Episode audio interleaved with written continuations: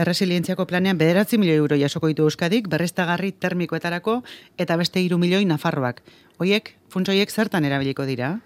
Bueno, ba, berriztagarri termikoetarago eta nik uste dut hau nahiko komiartean ez ezaguna dela, ez? E, normalean berriztagarri eta hitz egiten dugunean beti e, berriztagarri elektrikoetaragoa, hau da fotovoltaika, eolika, hidraulika, e, baina nortaz aparte baita ere badaude energia berriztagarri batzuk zuzenean beroa sortzen dutenak, ez? E, bata agian, eza, bueno, bi nahiko ezagunak e, izango dira, e, bata da eguzkindar termikoa edo plaka termikoak eraikin berri e, askotan daudenak, e, 2006ko araudi bat dela eta derrigorrezkoak ziran e, jartzia, eta biomasa orokorrean, ez? Peletak eta, bueno, egurrezko estufak eta, bai. eta onelako sistemak, ez? E, aratago badago beste teknologia multzo bat, e, komi artean e, pixkat ezagun, ez ezaguna dana, ez? Eta da aerotermia, geotermia eta hidrotermia irurak hilo berdinetik doaz, baina hau baita ere e, hor badago, eh, berriztagarri termikoen barruan. E, amengakoa da gure e, behar energetiko gehienak, bueno, guztiak izatez, hiru zailkapen nagusitan sartuko liratekela, alde batetik elektrizitatea kontsumitzen dugu, bestetik garraiorako eta mugikortasunerako baita ere hor lan mekaniko bat kontsumitzen dugu, eta gero aparte baita ere beroa kontsumitzen dugu, ez? Eta beroa etzeetan adibidez, ba, ointzen neguan gaudela eta eta gaur okidoguneko ba, gaba e, hotz honekin aratago, ez? Etzeak eta eraikinak berotzeko, zuzenean beroa behar izaten dugu. Honetarako askotan, ba, gaz naturaleko edo gasolioko edo beste nolabaiteko galdara erabiltzen ditugu, eta hemen, e, bai, eguzkindar termikoa, biomasa eta aerotermia, geotermia eta hidrotermia oso baliogarriak dira eta oso eraginkorrak. Bueno, e, eguzki energiarena gutxo gona bera barnatuta daukagu guztio, baina nahiko genuke ba, besteetan. E, hain ezagunak ez diren hoietan, pixka bat gaur sakontzea. Geotermia, hori lurraren beroa probestu egiten da, baina sekulako zulotzarak eta egin behar dira. Hori da gutxi asko dakiguna, itor. bai, komi artean, a ber, e, hor dauz, e, iru, iru teknologia... Diferente. E, diferente eta bardina galdi berian, eh? Zau da, e, parte garrantzitzuena oso bardina da, e, aerotermia, geotermia eta hidrotermian, e, teorikoki edo kontzeptualki gauza bera da, eskenean da, inguruan daukaguneko energia bat aprobetzatzea gure onerako, eta e, bakoitzan zenolako energia da aldatzen dena, ez? Aerotermian inguruko hau da, e, eraikinaren kanpoko aireaz e, aprobetzatzen gara, geotermian lurraspiko ba, lurrak daukan energiaz, eta hidrotermian izan liteke ibai bat, izan liteke laku bat, edo, edo nola baiteko ba, bueno, ur kantitate bat, edo baita ere izan liteke itxasua bera, ez? Orduan, hemen hiru hauetan, e, benetan eraikinaren barruan dagoena bardin-bardina da iruretan, eta kanpokaldera bero hori aprobetsatzeko geotermiaren kasuan, nola nahiko mm, ba, berotrukagailu bat zartu behar dugu lurraspian, eta hortarako ba, bai, e, zulak eta asko egin behar dira. E, hidrotermian e, kasuan, ba, bueno, ura behar dugu derrigor. Hori da, ura bai. behar dugu, eta hor, modu desberdinak daude ur hori e, hortaz baliatzeko, eta aerotermianen kasuan behar duguna da aizagailu bat. Aizagailu bat, edo zintokitan bai. jarri daiteke? Komi hartian. E, hau da, e, aire girotuko sistemetan, etzearen kanpoan ikusaten dituguneko kutsa txuri batzuk aizagailu bateaz. Hori da erabiltzen duguna. Izatez bai. aire gerotua, nola, nola nahiko e, aerotermiako sistema bat da, eta hau nahiko bitzia da, ez? Bueno, eta nola funtzionatzen du orduan?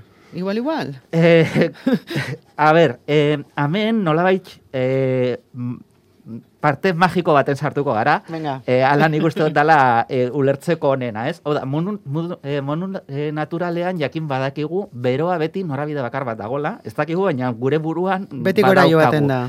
Eh, bueno, bai, beti gora aire beroa, baina naratago, hau da, beroa beti doa berotik, puntu, temperatura altuko puntu batetik, temperatura basuko puntu batera.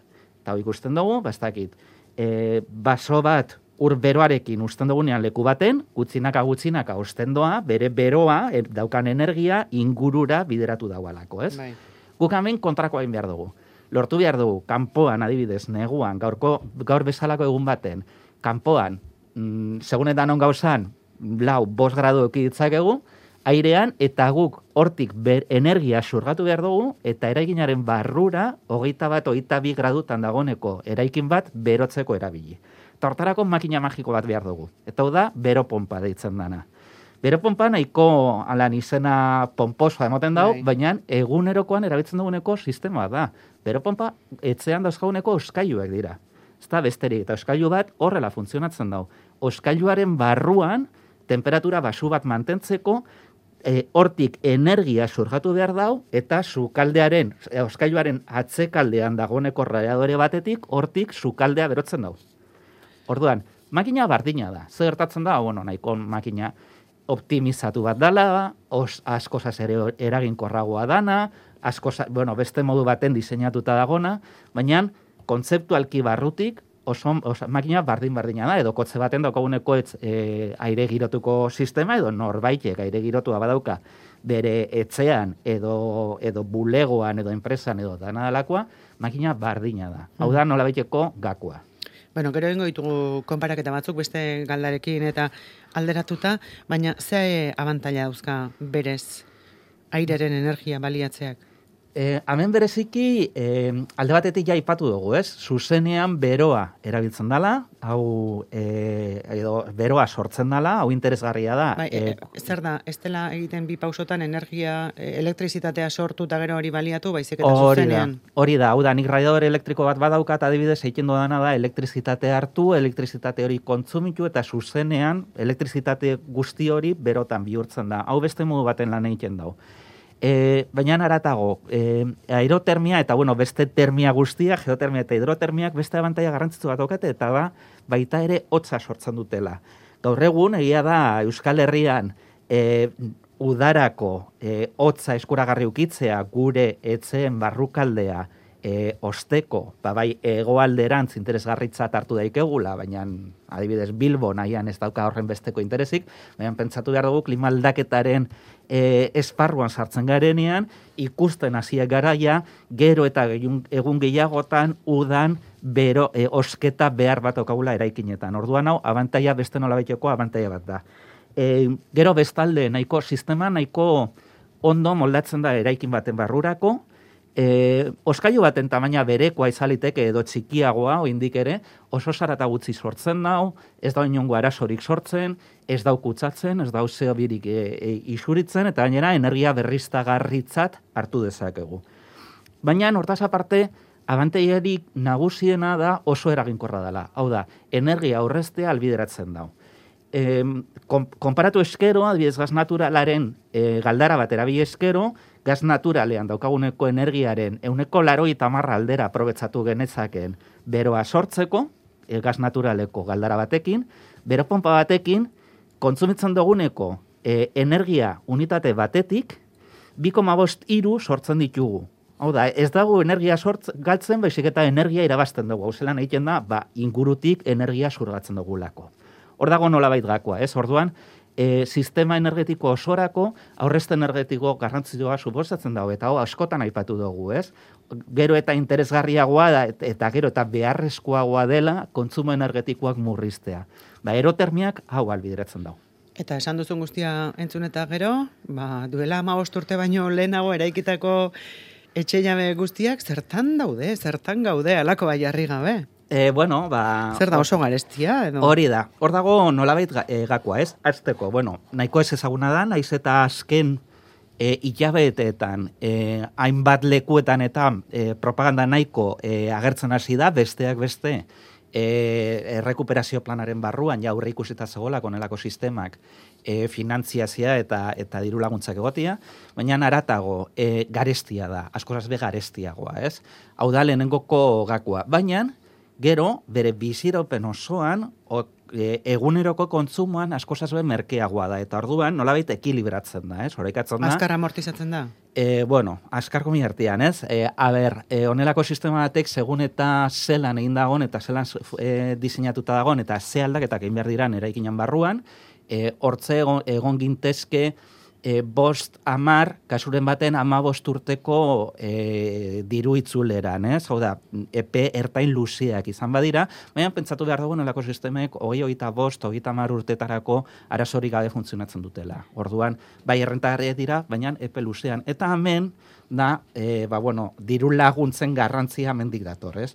Bai. Bere ala, aldi berean, e, nolabait amortizatuko balitz, diru laguntzarik ez genuko beharko e, sistema hauek bultzatzeko. Baina bain ikusten da, oso epe luzerako inbertzioak direnez, diru laguntzak behar dirala nolabait jendea bultzatzeko nolako sistemak erabiltzeko. Desberdina da, eraikina egiten ari den unian onelako sistema bat esarri eskero. Orduan bai, ze hori galdetu beharren izun, ze azpiegitura egin behar da esan duzu, zaratarik ez, duela, ez duela ateratzen. Leku handia behar da pompa hori jartzeko eta horretaz aparte, airea zurrupatzeko eta ze behar, du tximini edo isurien ateratzeko alako bideren bat, edo ze azpiegitura behar du. Izatez ez dauka, ez dauka inongo izuririk, hau da baita ere abantaia, ez? Zuzenean elektrizitatea kontsumitzen dau parte txigitxo bat, da kompresore bat eta mugitzeko, eta e, bai, nunbait jarri behar dugu e, lehen aipatutakoa izagailu hori. Mm? Baina nortaz aparte, honek temperatura basuan funtzionatzen da orduan, e, etxeetan ohikoak direneko radiadorek ez dute funtzionatzen. Hemen dago beste gakoa, ez? Zoru radiante bat jarri eskero, hau oso interesgarri izango litzateke, eta modu eraginkorrena izango litzateke, zoru radianteak, klaro, etxe guztia, hau daia eraikita dagoenean, ba, etxe guztia.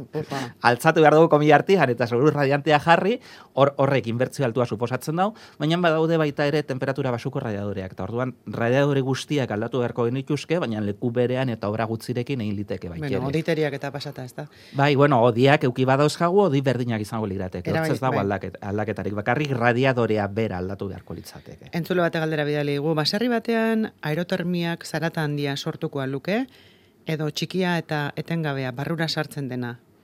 E, ez, barrura sartzen dana, e, os, oskaio baten e, antzeko esan dudanean da gauza berau da oskaioa, bai batzutan, segun eta s- ze adinekoa da, batzutan so, e, entzuten dugu kompresorea martzan jartzen dala, ez? Halako e, zaratatxo zunbidotzo bat, ez? Zzz, Olako zerbait izango litzateke, oso zarata gutxi sortzen dauz, izatez makina berdina dau da, kompresore bat dauka, eta hori da sus, e, e, soinua emititzen dagoeneko bakarra.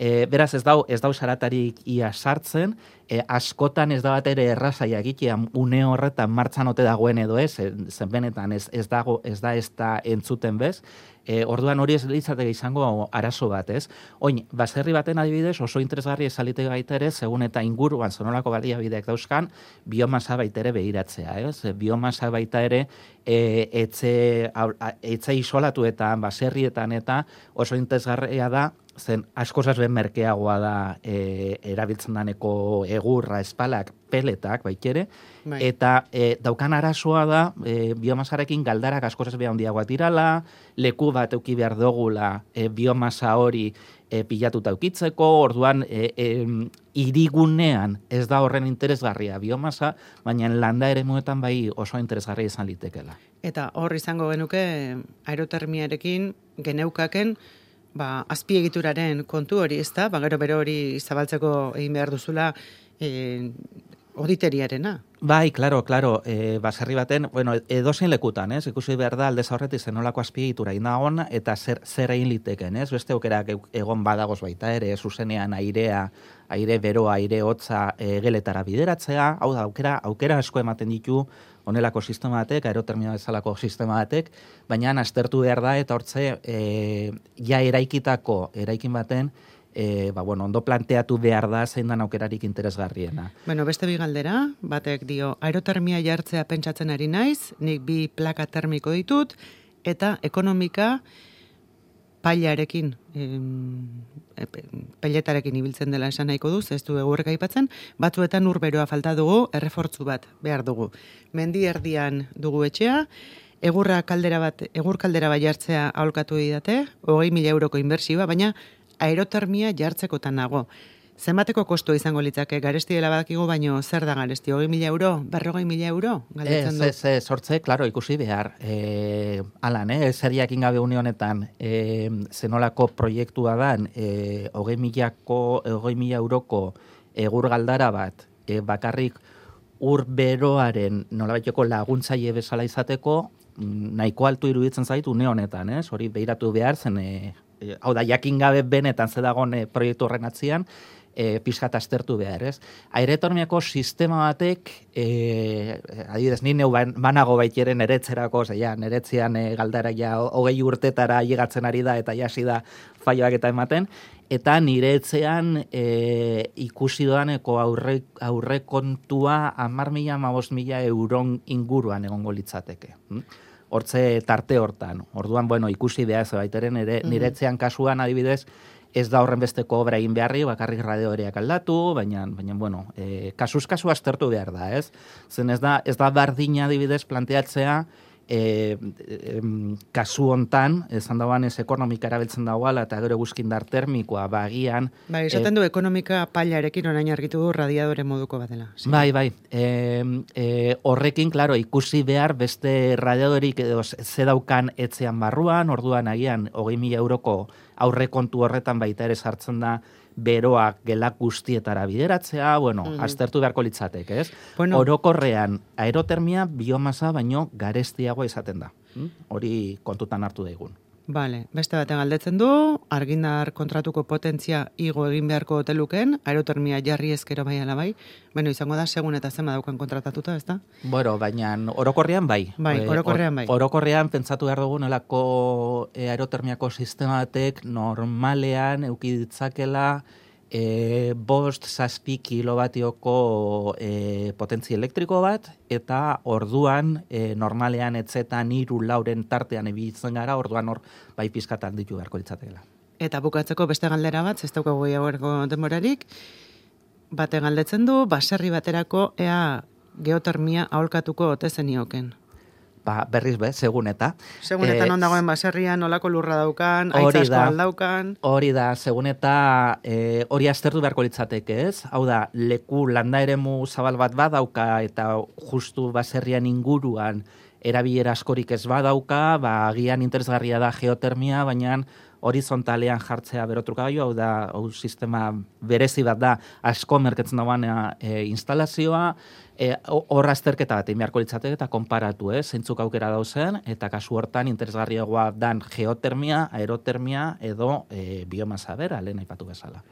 Bueno, eta beste bate galdetzen du, ea, obra egiten hasi baino lehen, aholkularitza, aholku eske nora joatea gomendatuko zenioken, kasua aztertzeko ba, ba e, onen e, instalatzaile asko badauz.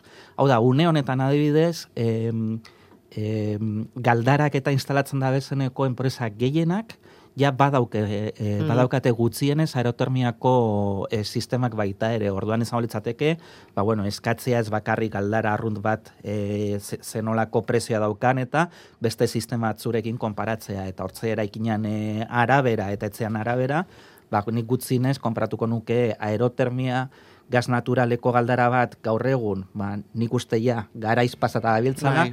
biomasarekin, hm? bi horiek eh, konparatzia. Ederki, ba, galdaretakoak erari dira orduan, transizio energetikoa egiten, nola egin guk bestela. ala da, ala da. Ama uste un barru dugu, eskerrik asko aitor. Primeran, urrekor arte.